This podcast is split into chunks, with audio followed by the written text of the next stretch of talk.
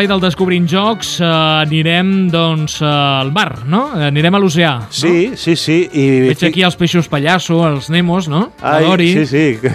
Els Wanda, també. Sí, Metropolitano. Ah, Re que... que... en Riff és el joc d'avui. Riff, sí, que clar, eh, riff és una paraula anglesa que en castellà significa arrecife i en català tenim un parell de paraules que són semblants, que eh, una és escull i altra és niell. Eh, això ja és per, Quin joc esculls avui, Miquel? eh, el niell. sí. sí, és... Eh, O és- Riff eh, també se sol dir un tipus d'aquaris, no? Que Sí. és l'aquari marí. Correcte, sí, sí. Eh, I Riff és, és això, són els, els niells, els esculls de coral, que són les formacions aquestes de, de, de, que fins i tot arriben a ser illes, perquè emergeixen a fora del mar, perquè són una acumulació de coralls i... i...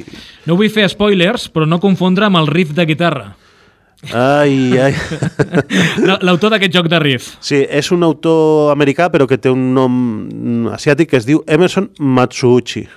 Molt bé. És, és, és conegut perquè a, a, aquí ha publicat la, la trilogia de jocs combinables Century i aquest any 2020 treu el joc de, la conversió del videojoc Metal Gear Solid en, en versió de joc de taula. Il·lustrador. Chris Killiams, un gran dels il·lustradors. Ah. El dels Pandemic i tot això. Sí, sí. I Tot i que aquí tampoc... és senzill, eh, però és que l'editorial aquesta, que eh, ja ho diem també, és Next Move Games o Plan B Games, es gasten la pasta i diuen vull el millor il·lustrador, i ho posen. Vull els millors components, i com veus tens unes peces de plàstic aquí. Ah, clar, també, aquest joc també s'ho val. Després direm el preu. Riff i plàstic, no ho sé, eh? Mar i Eh, plàstic. sí, sí. ah, Sí, no sí. sé què diria Greta sobre això. Editorial. És Next Move Ja ho- Games o Plan B Games, Número de jugadors. de 2 a 4 jugadors, Edat recomanable. a partir de 8 anys, Temps de partida. uns 30-45 minuts. Mecàniques. És un joc eminentment de construcció de patrons i també té un mínim de gestió de mà de cartes. Atenció al preu. 39,95. La nota. Eh, té un 7,2 a la Board Game Geek. En el rànquing general està el 586. Dintre dels jocs abstractes, perquè és un joc abstracte, està el número 25 i dintre dels jocs familiars el 121. A qui agradarà aquest joc? Agradarà a, tota, a totes aquelles persones que gaudeixen planificant i saben esperar el moment oportú per fer la millor jugada o combo, com diem nosaltres en l'argot dels jocs de taula, per esgarrapar molts més punts que els rivals. Aquest joc també es pot posar a l'altar dels jocs amb una producció molt cuidada.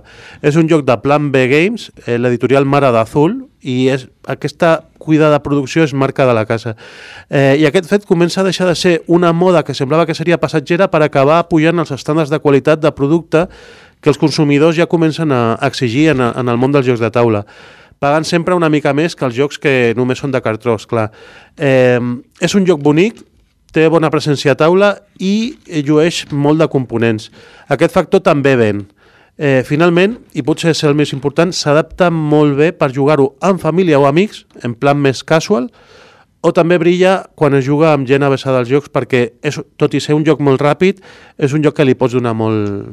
Jo molt vaig fent coco. construccions, eh, Miquel? Amb les peces aquestes les vaig Apilant. posant, eh? Sí, vaig sí, apilant, eh? Sí, sí, sí. Saps que això d'anar apilant ens agrada. Sí, sí, els que Ah, són pares. ll- Llavors tenim aquí uh, unes peces de plàstic, que serien Serien coralls? els coralls, sí, tenim de, i de formes diferents també. Eh, són com si siguessin peces de Lego d'un i que es poden apilar, però tenen formes diferents. Hi ha vermell, verd, lila i groc. I tenim també un, un, un mercat de cartes, tenim taules individuals per cada jugador, que és una quadrícula de, de 4x4, i jugarem, jugarem aquí dalt. Eh, farem, farem, farem les de coralls aquí, a- als nostres. Observa el crecimiento de la estructura natural más bonita y exótica, el arrecife de coral. Los arrecifes se encuentran principalmente en los océanos Índico y Pacífico y han tardado miles de años en crecer. En ese tiempo han cautivado a la vida marina y creado fabulosos ecosistemas submarinos. Prepárate para hacer lo mismo y abre tus ojos a la belleza de los océanos. Tot i que hi ha el plàstic, però bueno, sí, és una... és, eh... Tenim unes cartes aquí, Miquel. Sí, les cartes... Eh, és... Veig que el joc és nou, corren bastant bé les cartes. Sí, sí, perquè són també de molt bona qualitat. Eh, es forma com un mercat i aquest mercat recorda molt el del Century, o sigui que és marca també personal de l'autor, eh, i els jugadors poden agafar cartes d'aquí gratis o pagant monedes, que és, és la mecànica del, del Century. Eh, la, la forma de jugar és molt fàcil. O agafes una carta o jugues una carta de la teva mà.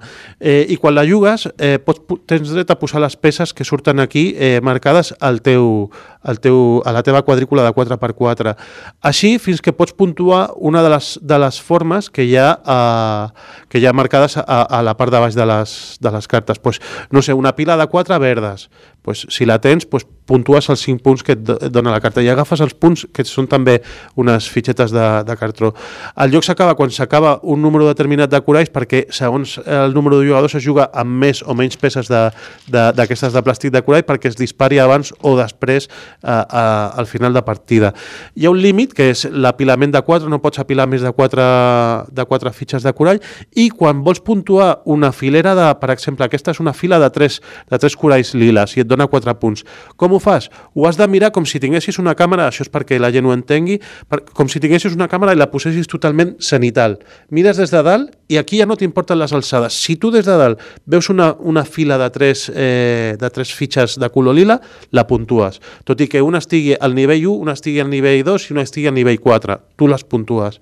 I es va jugant, es va jugant, es va jugant fins que s'esgoten les, eh, les, les fitxes, un determinat número de fitxes i, i qui té més punts, que es, que es compta amb les fitxes, perquè aquí no tens un tauler on tu puguis anar movent una fitxa per puntuar, o sigui que, que ja la puntuació semioculta, perquè tu veuràs que la, els altres jugadors tenen fitxes, però eh, d'un cop visual a lo millor no, no, no et dona per comptar quants punts tens. O sigui que has de, eh, fins al final de la partida no sap ben bé qui, qui ha guanyat, que això també és un, un punt positiu dels jocs. M'agraden aquests jocs, que fins al final no saps qui, qui ha guanyat a l'estil cacao, per exemple, no? perquè vas, vas jugant. No? Pots intuir-ho, sí, el cacao exacte també és un que, que té fitxes de puntuació i no, i no pots controlar-ho ben bé. Eh, I és un joc aquest que, que és super ràpid, es, es juga molt ràpid i com a filler per jugons també està, també està prou bé. I com a joc familiar funciona. El que passa és que també 39-90 eh, és difícil perquè per un joc que, que és el que proposa, però té rejugabilitat, eh, perquè cada partida és diferent pel mercat de cartes que va sortint i tot. No, la portada és maca. Sí, sí, la producció boníssima. És gent que digui, vull tenir un joc mm, bo eh, i bonic, però, però li falta l'altre bé. Després et no? faltaria l'aquari, no? Sí, jo per exemple triar entre aquest i l'azul... Si, si vols vine a casa... Eh? Ah, sí. si haguéssim de triar entre aquest i l'azul, que són de la mateixa editorial, ens aniríem directament a l'azul però si vols un, un joc una mica que, que sigui més, eh, més mm, que s'ajusti una mica més per nens més petits, igual el Riff. Uh, Miquel, hem dit que el joc es diu Riff i la cançó Uh, abans he fet una miqueta de spoiler. Aquí sé que, que tenim... L'escull.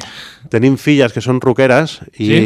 i he triat eh, els 25 millors riffs de, de guitarra de rock, que, que això és un tio que té un canal de YouTube que es diu eh, Tus classes de guitarra, té molts subscriptors perquè la gent pues, per, per, per practicar i tot això... Jo em vaig quedar amb el fa, eh? Quan havia de fer el fa vaig dir això no està fet per mi. Jo tampoc, però sí que m'agrada veure-ho i escoltar-ho.